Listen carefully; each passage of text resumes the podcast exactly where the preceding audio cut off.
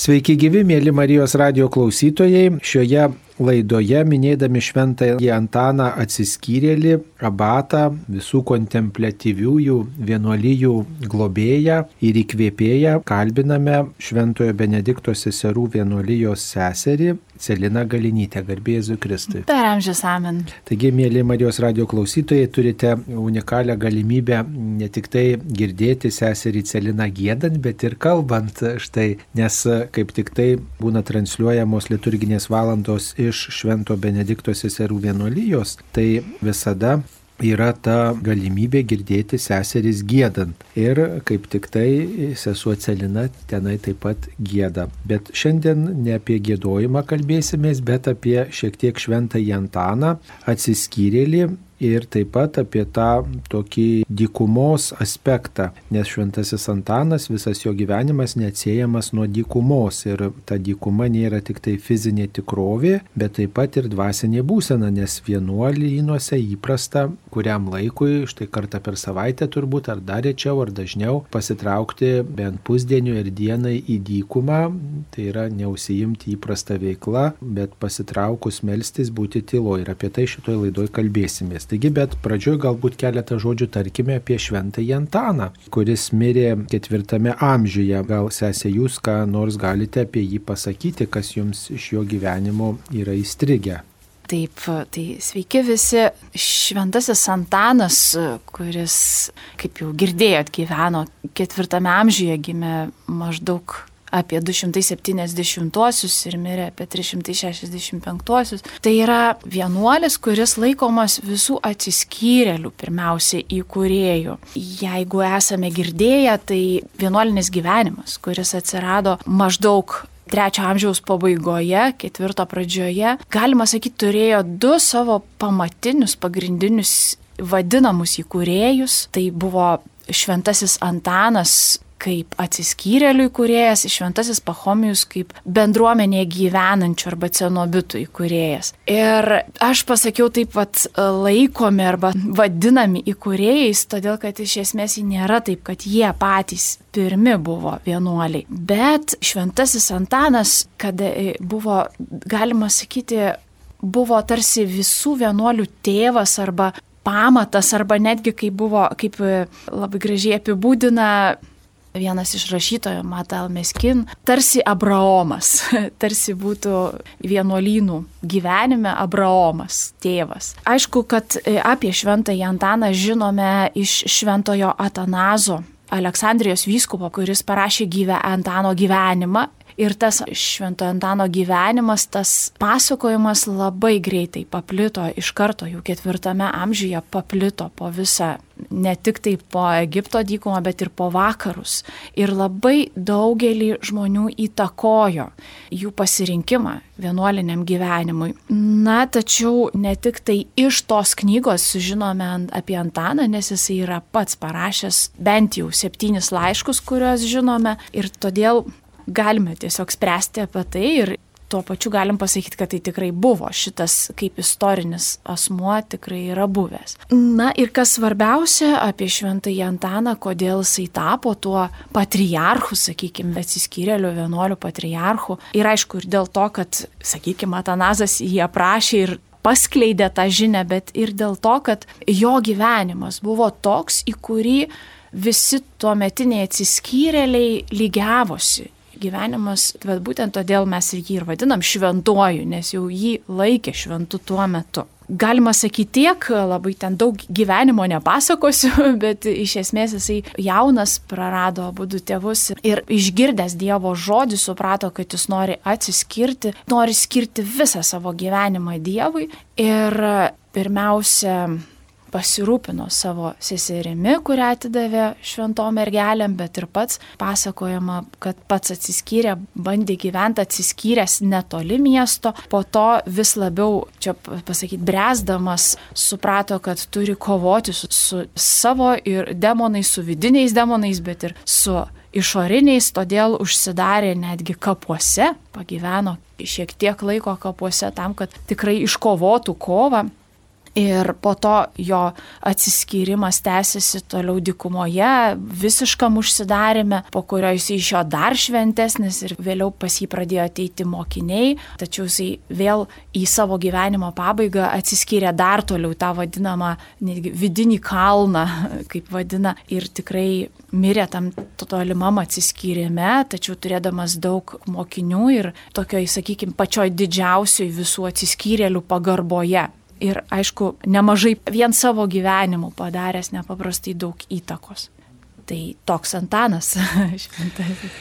Taip, tai tas buvimas dykumoje turbūt nuo Švento Antano davė tokią pradžią tokiam atsiskyriliškam gyvenimui ir per visus laikus žmonės tokiam ilgesniam laikotarpiu arba trumpesniam turėjo tokią galimybę trauktis į dykumas ir fiziškai eiti į tas dykumas ir, ir būti toli nuo žmonių, toli nuo triukšmo ir tą darė ir turbūt tebe daro iki šioliai, net ir šiais laikais turime žmonių, kurie pasitraukia į dykumas ir, žodžiu, ten atsiskyrėlių namelį jie gyvena, jiem ten kažkas atneša maisto arba ten, žodžiu, susitarė su kažkokiam bendruomenėm, kad juos ten išlaikytų, kažkokį rankų darbą turi ir, žodžiu, skaito, meldžiasi. Tai, žodžiu, tas nuo ketvirto amžiaus paprotys nėra išnykęs iš tiesų fiziškai gyventi tokiuose sunkiai prieinamuose vietovėse, be interneto ryšio, be telefonų, be televizorių, be radijų, nesiklauso net Marijos radijo ir tik tai malda, fizinis darbas, polisis, žodžiu, tas buvimas Dievo akivaizdai akivaizdoj. Bet e, turbūt yra ir kitas būdas būti tokioj vidiniai dykumoj, kuris praktikuojamas įvairiuose vienuolynuose. Ir turbūt ir jūsų vienuolynuose yra ta dykumos diena. Ta dykumos gal reikėtų rašyti kabutėse, kad mes mat, galbūt įkvėpti to švento Antano abato ir atsiskyrėlio pavyzdžių ir taip pat kitų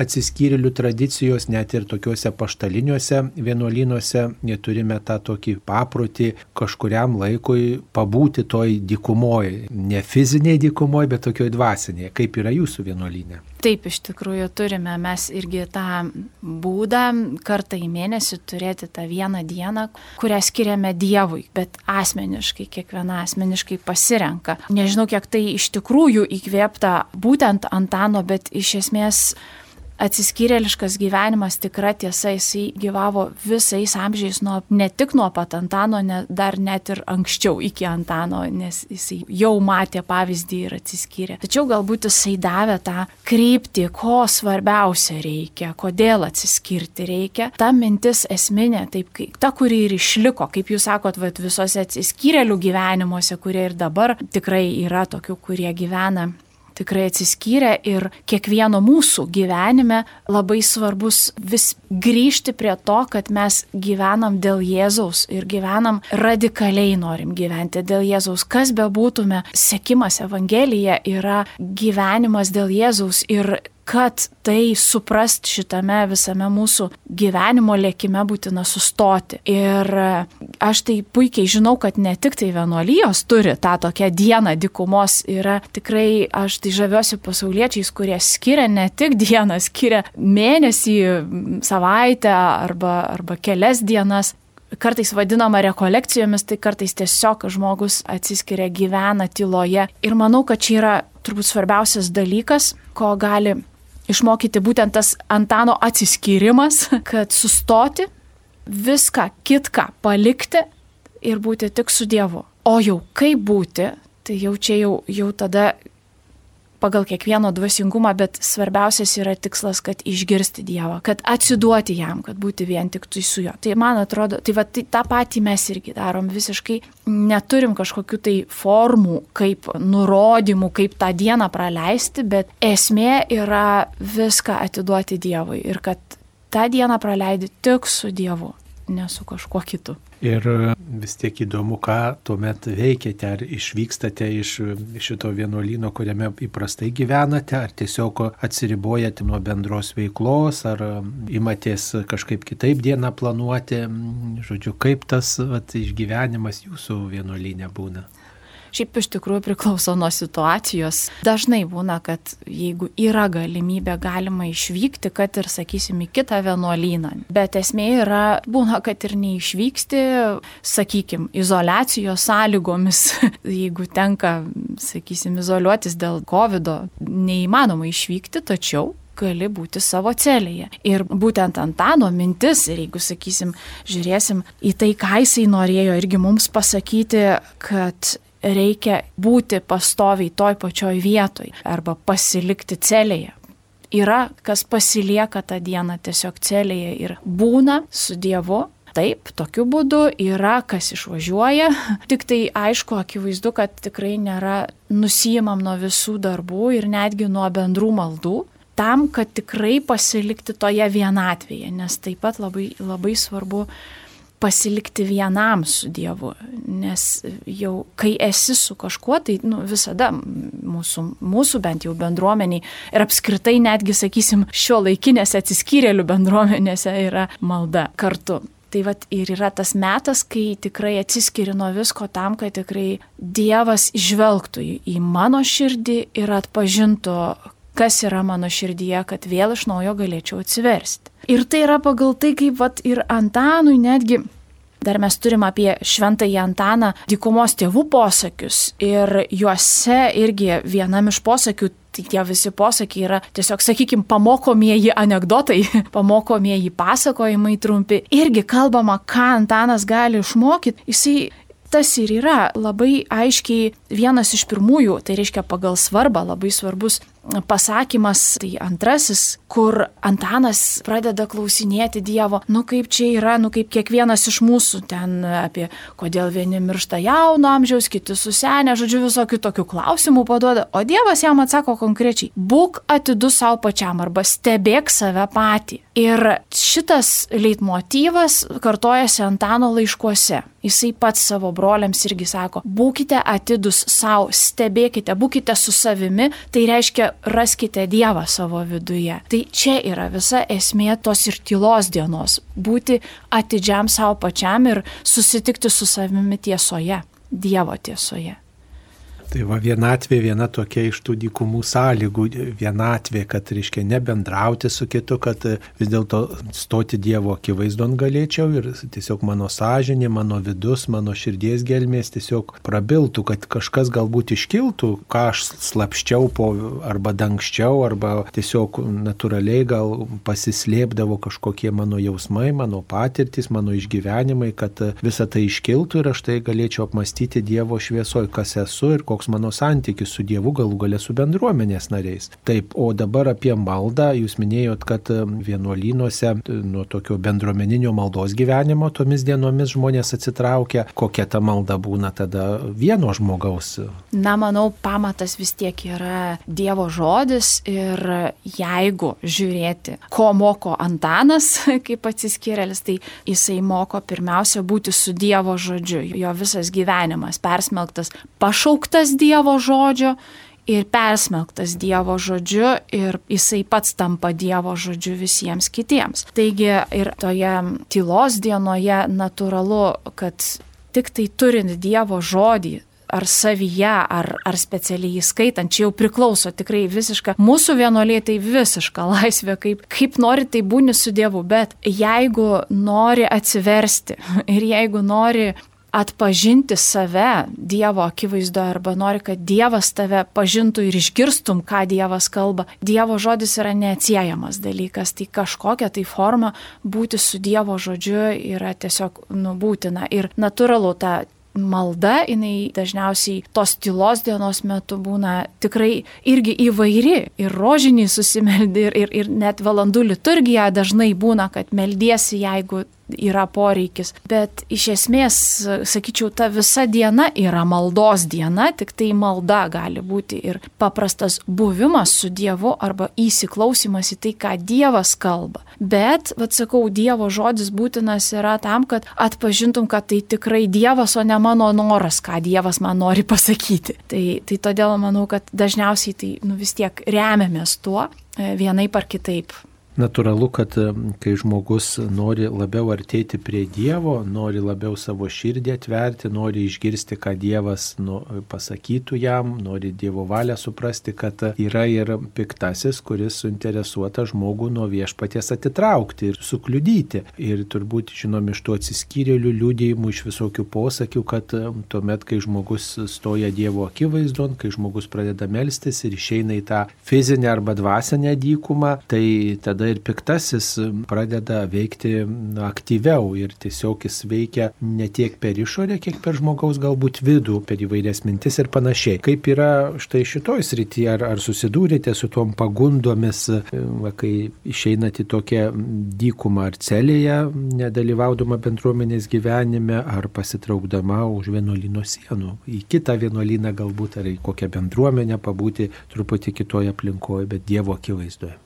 Taip, visada iš tikrųjų yra ta dalis, yra ta piktojo dalis, bet jinai realiai yra visada gyvenime, visada susiduri. Tačiau vat, šitą dieną tikrai dažnai būna, kad nenusiteiki kažkokiai tai atgaivos poilsio dienai, nebent Dievas pats sugalvotų tai suteikti. Bet tai yra tikrai panašu ir dėl to, kodėl ir šventasis Antanas išėjo į dykumą, nes būtent tuo metu ir buvo tikima, kad dykumoje gyvena piktasis ir išėjo kovoti su juo. Na, iš tikrųjų, mes neturim tokio tikslo, ta prasme, ir aš neišeinu į tylos dieną, nepasimu tam, kad kovoti su piktuoju, nes tiesiog žinau, kad aš nepajėgi, Jėzus už mane gali kovoti. Bet žinau, kad dažniausiai tai reikia kovoti su savo vadinamais demonais, su paties savęs problemomis. Dažniausiai, nes tu susiduri tiesoje, būdamas vienatvėje, kaip sakėt, ir būdamas Dievo akivaizdoje dažniausiai pamatai saveriškiau. Ir iš tiesų, taip kaip ir Antanas, realiai, taip jisai realiai yra parašyta, kaip jisai kovojo, kaip, ir jisai kalba apie tai, kaip supiktuoju. Bet lygiai taip pat Antanas kalba ir apie tą vidinius dalykus, kai yra, nes esmė, iš vis esmė aukti toje dikumoje ar atsiskyrėliškame gyvenime, ar kiekvienam krikščioniškam gyvenime yra kovoti su savo įdomis ir įgyti darybės. Čia yra va ta kelionės, tikėjimo kelionės esmė ir, ir augimo esmė. Tai va tas kova su įdomis, tai ir yra kova su savo tuo, kuo gyveni ir tai, kas trikdo gyvenimą su Dievu. Ir dažniausiai tai išriškėja tylos dienoje arba dykumos dienoje, tada, kai esi vienas su Dievu tiesoje. Ir ta tiesa dažniausiai nebūna tokia labai maloni, nes esam žmonės ir, ir esam, sakau, tai ne, jau ir to užtenka, o kartais tikrai būna ir tokių sunkesnių momentų, kai piktasis padidina tuos, išdidina tuos mūsų sunkumus ir mūsų tamsumas. Ar kažkokiu būdu jūs pasverėte tuos vaisius, kurie būna po dykumos dienų? Aišku, yra labai galbūt pavojinga sverti savo dvasinį gyvenimą ir vertinti. Nu, čia jau labai gerai pasimeldžiau, jau aš čia tikrai pasiekiau šventumo lygį, nu jau čia tikrai tokias jau turėjau susikaupimo dienas, jau taip Dievo artumą patyriau, kad to jojo. Gal m, pavojinga tą daryti, nes čia iš karto jau puikybė kvepia ir tada visi mūsų dvasiniai nuopelnai, net jeigu tokių ir buvo, tiesiog jie prasmenga puikybės tam šulny. Bet vis tiek galbūt kažkaip sveriate tą tai dykumos dieną, tą tokią susikaupimo dieną, nu, vat, kažkokius vaisius įvertinat, ar pavyzdžiui kažką užsirašot, kad kažką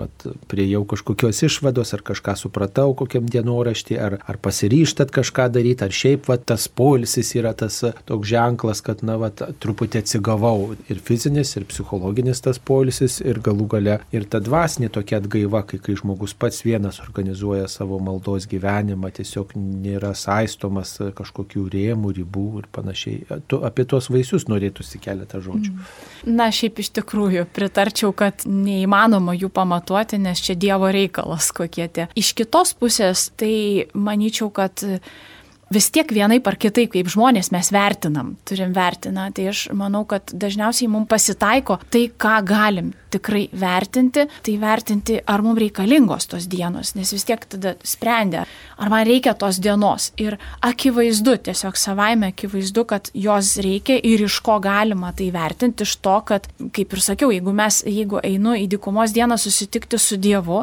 tai jeigu po tos dienos aš suprantu, kad aš nesusitikau, reiškia, nu kaip ir nebuvau dykumoje. Aš manau, kad vienas iš tų kriterijų, kuriuos galiu padėti savo, pasakyti, ar gerai buvo praleista ta diena, čia irgi labai toksai relativus pasakymas, bet tai būtų ar buvau su Dievu ir ką Dievas manyje padarė. Tai iš tikrųjų, manyčiau, tai, kas būtų irgi svarbu, sakysim, mūsų vienolyjos patirtyje, mes iš pradžių turėjom tik tai tiesiog dieną mėnesyje.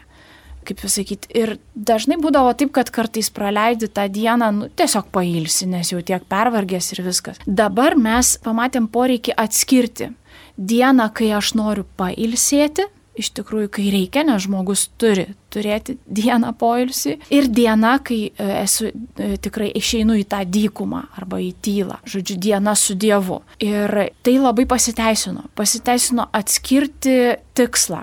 Kodėl, kurią dieną aš renkuosi. Ar aš renkuosi, ar dabar man reikia pailsėti, ar man reikia būti su Dievu, nes dažnai gaunasi, kad nebūtinai pailsi su Dievu būdamas. Nes kartais Dievas išprovokuoja, bet esmė yra ta, manyčiau, kad turbūt svarbiausia yra galbūt atpažinti, ar aš leidau Dievui veikti. Ir kadangi, kaip sakiau, kad ta dykumos diena dažniausiai yra būtent iš esmės tam, kad atsiverstum iš naujo, kad galėtum grįžti atsinaujinęs vėl toliau gyventi dėl Dievo arba giliau gyventi dėl Dievo. Tai ir stebi, ar tu atsiverti ar ne. Žodžiu, ne visada tai pavyksta, bet sakau, manau, kad pats toksai kraštutinis, apatinis vertinimo, sakyčiau, kriterijus buvo, ar buvau su Dievu tą dieną. Toliau aukščiau, va, ką man Dievas davė, tai kažkaip visada naudinga užsirašyti. Pavyzdžiui, todėl, kad po to galima vertinti tą gyvenimą ir savo pačiam kartais motivuoti, nes ne visada yra motivacijos tai dienai. Atrodo, daug darbo čia nieko nespėju, nieko nesuspėsiu, po to dar bus blogiau, dar didesnį tampa. O iš tikrųjų, kai motivuoji save, kai pamatai tos Dievo darbus, kurios galbūt pamatai po metų, nebūtinai iškart po tos dienos, kartais iš karto, čia priklauso nuo Dievo vėl, iš tikrųjų supranti, kiek naudinga. Ir kartais reikia prisiversti tą dieną turėti. Ir todėl bendruomeniai netgi kartais, sakau, ir aš pati paprašau, kad priminkit man, kad aš turėčiau turėti. Nes tai tikrai, tikrai kiekvieną kartą yra ta dvasinė nauda, kurią irgi sunku pamatuoti, bet jinai tikrai matosi ir jo labiau nuostabu dar yra tai, kad bet kuris sesuo vat, išeina į tą dykumos dieną ir dažniausiai grįžta į bendruomenę šiek tiek, bent kažkiek atgyjusi ir iš karto pačioj bendruomenėje yra kita atmosfera. Ir kai mes kiekviena turim, nors ir ne kartu, yra vienuolijų, kurios turi kartu tą dieną, irgi labai gražu ir pati esu tą patyrusi kitose vienuolijose, net benediktinių, irgi po tos dienos sugrįžta su tokiu vėl noru vėl daugiau gyventi dėl Dievo arba atgaiva. Ir pats bendruomeninis gyvenimas tada labiau atgyja ir, ir toksai gaunasi, sakysim, aktyvesnis Dievo malonėje, vadinkim taip.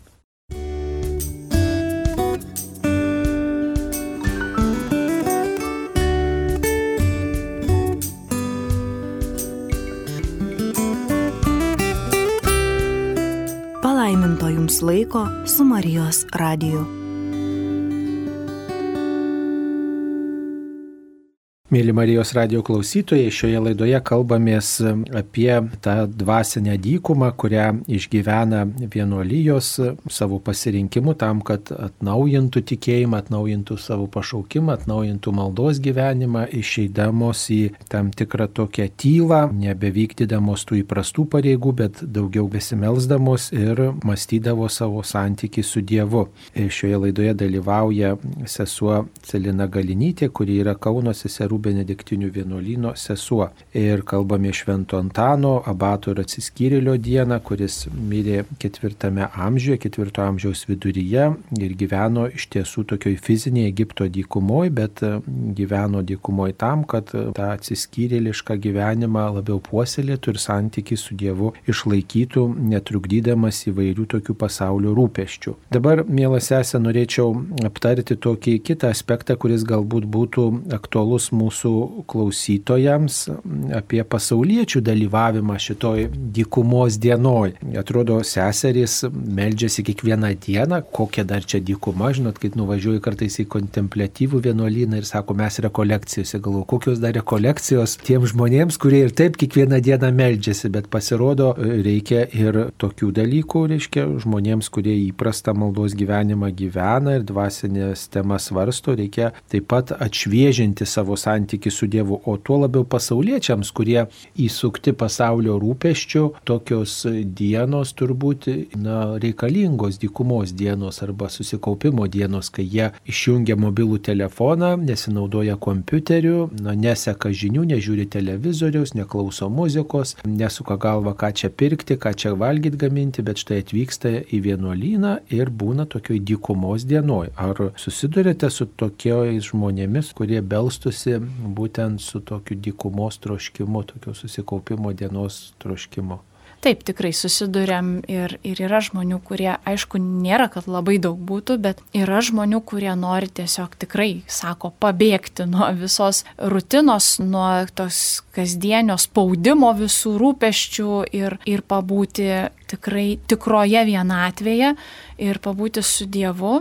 Ir manau, kad iš tikrųjų, nemanau, kad yra didžiulis skirtumas ar vienuolis, ar kunigas ar pasaulietis, manau, kiekvienam iš mūsų labai reikalinga turėti va, tokią dieną, nes šio laikinės pasaulis yra toks, kuris spaudžia kiekvieną savo informacijos rautus, savo mm, situacijomis, ypač šiuo laikotarpiu, pandemijos laikotarpiu, kai iš vis žmogus kiekvieną dieną nežino, kas kitą dieną bus. Ir būtent ta diena, tas laikas tyloje ir su Dievu yra tiesiog, sakyčiau, tikrai kad ir kiek gali būti sunkus, bet jisai tiek naudingas, kad net verta jį turėti. Ir kažkaip tai galbūt nuostabu yra ir tai, kad, sakysim, grįžtant vis, aš vis prie Antano, nes prisimenu, kad nu, šiandien ta diena, kai šventasis Antanas mus kviečia. Tai iš tikrųjų, grįžtant prie jo, įdomu, nes e, visose tose aprašymuose, kurio aprašo va, to laikotarpio gyvenimą, kalbama apie tai, kad tikrai ateidavo nemažai pasauliečių. Jie ateidavo į dykumą aplankyti. Ką tai reiškia? Ateiti į dykumą aplankyti, tai reiškia eiti kelias dienas ar savaitę. Ir tenai, jeigu aplankyti, tai reiškia ne tai, kad kaip pas mes atbėgam aplankyti pusvalandžiui savo tėvų, bet ne. Ateini, pagyveni savaitę, kitą mėnesį ir tada grįžti. Taip buvo toje dykumoje. Tai taip, kad tai reiškia, kad lygiai tiek jau tada, kai vienuolinis gyvenimas tik prasidėjo, jau tada ir pasauliečiai turėjo tokių atsiribojimo dienų, sakysim, tokių dienų, kurios paskirdavo dėl Dievo. Ir aišku, eidavo būtent pas senolius vadinamus aba, kurie buvo dvasios išminties pilni ir į juos ir kreipdavosi, ta prasme, kreipdavosi prašydami pagalbos dvasinėme gyvenime, kad galėtų tiesiog padėti jiems ir patiems būti su Dievu ir vienatvėje ir su Dievu kartu. Ir kažkaip iš tikrųjų net ir tie patys senoliai, taip pat ir va, šventasis Antanas, kuris taip pat mielai ir priimdavo ir duodavo tikrai stiprius patarimus, kaip tam pasauliečiui gyventi. Pavyzdžiui, atsakymas buvo toksai, va, sakysim, irgi klausimas, kai, kur, koks kiekvienas mums netiktų, ko turiu laikytis, kad patikčiau Dievui, reiškia, kad būčiau su Dievu. Ir ką Antanas atsako? Kur tik beeitum, nuolatos turėk prieš akis Dievą.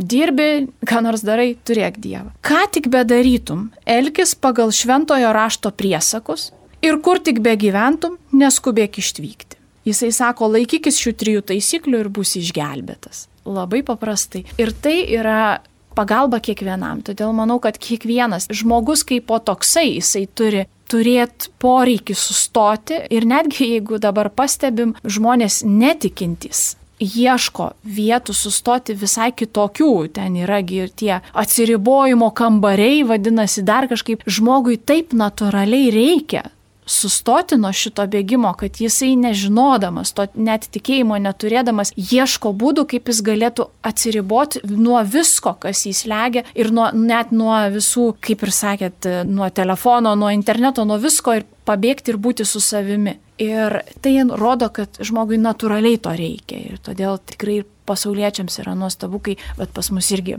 paprašo žmonės atvažiuoja, jeigu negali visai dienai, kartais yra ir taip, pavyzdžiui, net vyras neišleidžia žmonos visai dienai, nes neišdrįstas pabūti su vaikais tiek ilgai, tai bent pusiai dienos ateina, bent, bent kažkokį tai laiką, bet jau tokį tikrai gryną, be jokių kitų trukdymų pabūti su tėvu. Tai tikrai manau, kad tai yra tiesiog žmogaus natūralus poreikis, tik tais dabar yra labai užgoštas daiktų, informacijos ir bėgimo, užsiemimų ir viso kito. Aišku, labai toks kilnus dalykas būti dėl Dievo ir kad mano tikėjimas sustiprėtų ir kažkaip tą Dievą ar čia patirčiau, vat, būdamas vienuolynę ir, ir atsitraukęs nuo savo įprastos aplinkos. Tačiau teko girdėti, kad žmonės štai vyksta į dykumos dieną, pasauliečiai vyksta į kokį vienuolyną, pabūti vieną dieną, dvi dienas, savaitgalį praleisti tam, kad priimtų kažkokį sprendimą. Pavyzdžiui, reikia vat, priimti sprendimą šeimos vat, klausimą klausimų kažką. Ir taip sunku namuose, kai taip viskas verda. Reikia priimti sprendimą dėl darbo, reikia priimti sprendimą galbūt dėl gyvenimo krypties keitimo, dėl ten gyvenimo vietos pakeitimų. Žmogus vat, nerimsta toj vietoje, kur gyvena, ten ir rūpeščiai, darbai, visokie, visokios problemos ir štai nuvyksta į vienuolyną, kur meldžiasi ir štai svarsto tą problemą ir patiki Dievui ir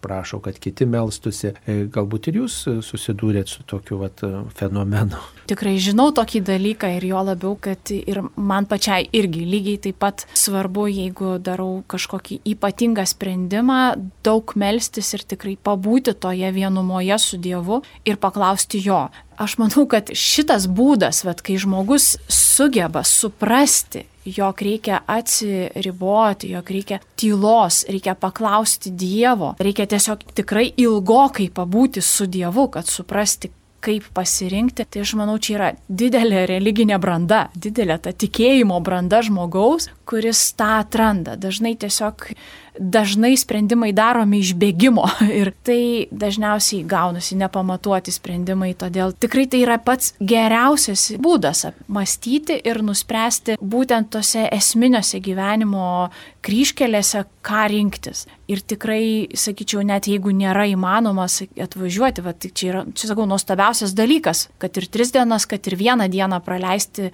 tyloje įsiklausant, galbūt šituo atveju, va, kai atvažiuojama, sakysim, į vienuolynus atvažiuoja žmogus, spręsti yra labai gerai ir tas dvasinis palidėjimas. Šiek tiek su kažkuo bent jau kažkada vieną kartą pasikalbėti su, ar ten, sakysim, tame vienuolynė, su to žmogum ar su savo dvasios tėvu, pasikalbėti apie tai, kas sprendžiama, nes čia yra lygiai taip pat ta pati vat, ir Švento Antano dykumos patirtis, kad iš esmės galima sakyti, ne vienas vienuolis į dykumą neišėjo be dvasios tėvo be tos pagalbos. Ir Antanas taip pat pradžioje, kai išėjo į dykumą, jisai atėjo mokytis, kaip toje dykumoje gyventi iš tokio vienuolio palamono. Taigi iš tikrųjų ir po to jisai pats tapo to tėvu ir kodėl, vad sakau, ateidavo tie pasauliečiai arba net ir patys vienuoliai, net ir patys tie tėvai, tie aba, ateidavo pas Antaną būtent todėl, kad visada mums reikia, kad atpažintume tikrai Dievo, va, kaip, kaip sakė, tas piktojo veikimas yra šalia visada. Tai tam, kad tikrai pilnai atpažinti reikia, kad kažkas iš šono Dievas mėgsta dažnai kalbėti per kitą žmogų. Ir būtent tas patarimas iš šono yra labai svarbus. Net ir, vad būtent jeigu sprendi klausimą, tai verta turėti patarimą, bet verta ir būti tyloje, kad gerai išgirsti Dievą. O ką pasauliečiai veikia, būdami dykumoje, vienuolynė arba kitokioje gal aplinkoje, įsakydami, kad išvažiuoju į dykumą. Na pavyzdžiui, paimkim, kad gal žmogus turi sodo namelį, kuriame paprastai niekas ten negyvena, bet va, gal jeigu leidžia sąlygos, ten žiemą gal kebliau, bet gal ir tada įmanoma ten žydinį kokį pasikūrenti, ar tai bus ta tokia dvasinė dykuma, kai jisai viską štai meta, važiuoja į savo sodo namelį arba sodybą, arba ten jeigu kas nors gyvena, tai paprašo, kad jo netrukdytų kambarį ten, e, bet kita aplinka štai ir ką paprastai ir pasauliečiui veikti tuo laikotarpiu tą dykumos dieną. Na, manau, svarbiausia tai yra turėti tikslą, nes jeigu tik tai atvažiuoji kurianti žydinio, nu tai pakuriansi, pailsėsi, bus gražus tikslas pailsėti, biški pabėgti nuo visų. Tai, kaip sakau, čia tai rodo natūralumą, kaip žmogui to reikia. Bet jeigu norisi dykumos dienos, tai tikrai reikia pirmiausia paklausti savęs, kodėl aš jos noriu. Ar aš noriu atsigaivinti,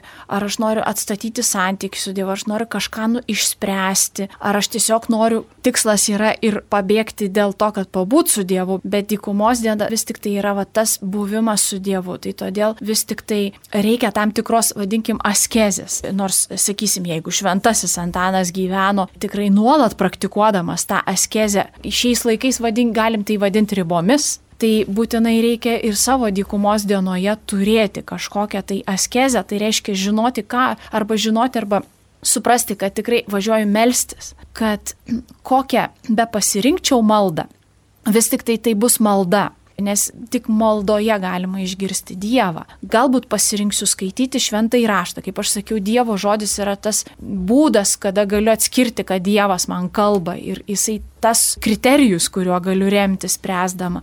Tai vad sakysim, kaip aš skaitysiu Dievo žodį, kaip aš su to Dievo žodžiu būsiu, kaip aš melsiuos. Tai visada verta žinoti. Aišku, galbūt galima sakyti, Dieve, kaip tu mane paraginsi, taip aš melsiuos. Irgi tai irgi teisėta. Ta prasme, tai irgi galima. Bet nusiteikimą ir tas ribas, tą skezę reikėtų turėti. Yra žmonių, kurie, pavyzdžiui, dykumos dienas kaip tik, pavyzdžiui, praleidžia pasninkaudami, būtent susiję su pasninku ir tai irgi vienas iš maldos būdų. Bet važiuojant, kaip ir sakiau, mes vienuolinę, bet net ir atskyrėm. Ne, čia yra poilsio diena, o čia yra dykumos, tai reiškia, kad aš einu susitikti susitikti su Dievu, žinau, kad aš melsiuos, žinau, kad aš klausysiu Dievo. O dar geriau, jeigu aš žinau, kodėl, kokiu tikslu aš tai noriu. Ta prasme, ko aš noriu. Ar aš noriu atsigaivinti ir pabūti su Dievu, aš noriu, gal iš noriu visą dieną išlovinti.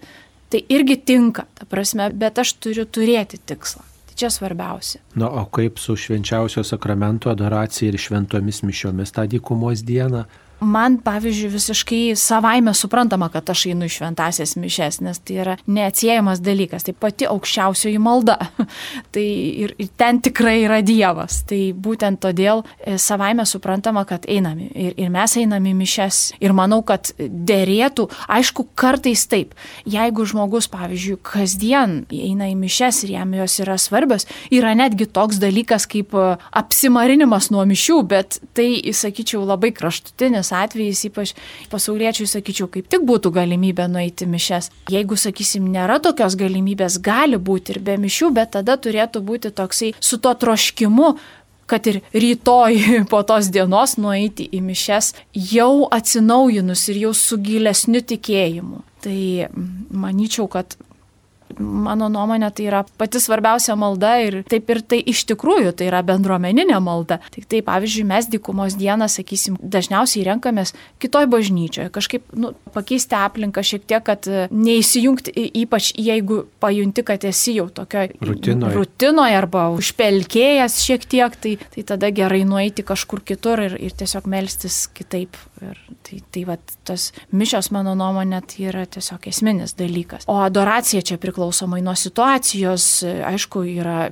nuostabu, jeigu galima tą daryti, jeigu yra galimybė. Tai irgi yra buvimas tyloje ir netgi, sakyčiau, puikus buvimas, nuostabus, kiek yra galimybių tam prasme, bet, bet tai vis svarbiausia yra malda, svarbiausia tas savo buvimas su viešpačiu visame. Na ir ką galėtume patarti tiem žmonėms, kurie niekada nėra dalyvavę tokioj dykumos dienoj, tokioj susikaupimo dienoj, kurie galbūt norėtų pabandyti, į ką reikėtų atkreipti dėmesį ir kam pasiruošti, reikėtų apie ką pagalvoti. Maničiau, kad jeigu niekada nėra buvęs žmogus iš vis tokioj tyloj nepabuvęs, tai sakyčiau, pradėti nuo valandos dviejų tyloje. Tiesiog būti tyloje, bet toje tyloje su Dievu. Galbūt netgi toje tokioje tyloje, kurioje bandoma įsiklausyti į Dievą. Tai sakyčiau, tai, tai būtų pradžia žmogui, kuris gyvenime nėra nekarto turėjęs, pavyzdžiui, rekolekcijų, kuriuose irgi dažnai būna tylos laikai tam tikri. Bet jeigu žmogus buvęs ir dar tik tai nėra, vat, sakysim, masto apie tai, kad vat, galėtų visą dieną praleisti, tai manau tiesiog, kaip aš jau sakiau, svarbu žinoti ir turėti tą motivaciją, kad aš einu dėl Dievo, noriu išgirsti Dievą ir noriu būti su juo čia svarbiausias dalykas. Ir žinoti, jeigu tikrai nežinai, nu ką čia reikės daryti, tai geriau tada nusimatyti, ką aš noriu daryti. Aš noriu sukalbėti rožinį, aš noriu adoruoti, noriu ten nueiti į mišes ir tada noriu skaityti šventą raštą ir klausytis Dievo. Galima šitai pasakyti savo, bet tada jau gerai šiek tiek paplanuoti tą dieną, tam, kad nebūtų jinai, kaip sakiau, žydinio kūrenimas ir gulėjimas ant sofos. Tai tai ta prasme, tada jau bus poilsio diena, bet nebe dikumos. Aišku, Dievas įvairiais būdais gali turbūt prabilti, svarbu irgi tą tokį atvirumą turėti, kad aš vis dėlto trokštų būti Dievo akivaizdoj. Nesvarbu, kas tą dieną bus, bet va, tas pagrindinis tikslas - būti Dievo akivaizdoj, būti su Dievu ir jį prisiminti, apie jį galvoti ir, ir jo šaukti žodžiu ir savo tyla ir savo gal problema, kuri mane kamuoja, tiesiog ją atverti Dievui. Tai tikrai, mėly Marijos radio klausytojai, linkime, kad visi paragautumėte tos dykumos. Yra galbūt tokių žmonių, kurie sakykime, yra tokių nuolatiniai dykumoje, nes gyvena vieni ir gal Marijos radijas tik tai yra tas, kuris praskaidrina jų dieną, tokioj priverstiniai dykumoje. Tai čia yra, aišku, atskiras klausimas, tada žmogus džiaugiasi bet kokią tokią bendruomenišką patirtimi, bendrystės patirtimi, kuri juos ištinka. Taigi ši laida daugiau tiems skirta, kurie skuba, lekia, daug visko patiria, kad štai surastų laiko tokiai tylai,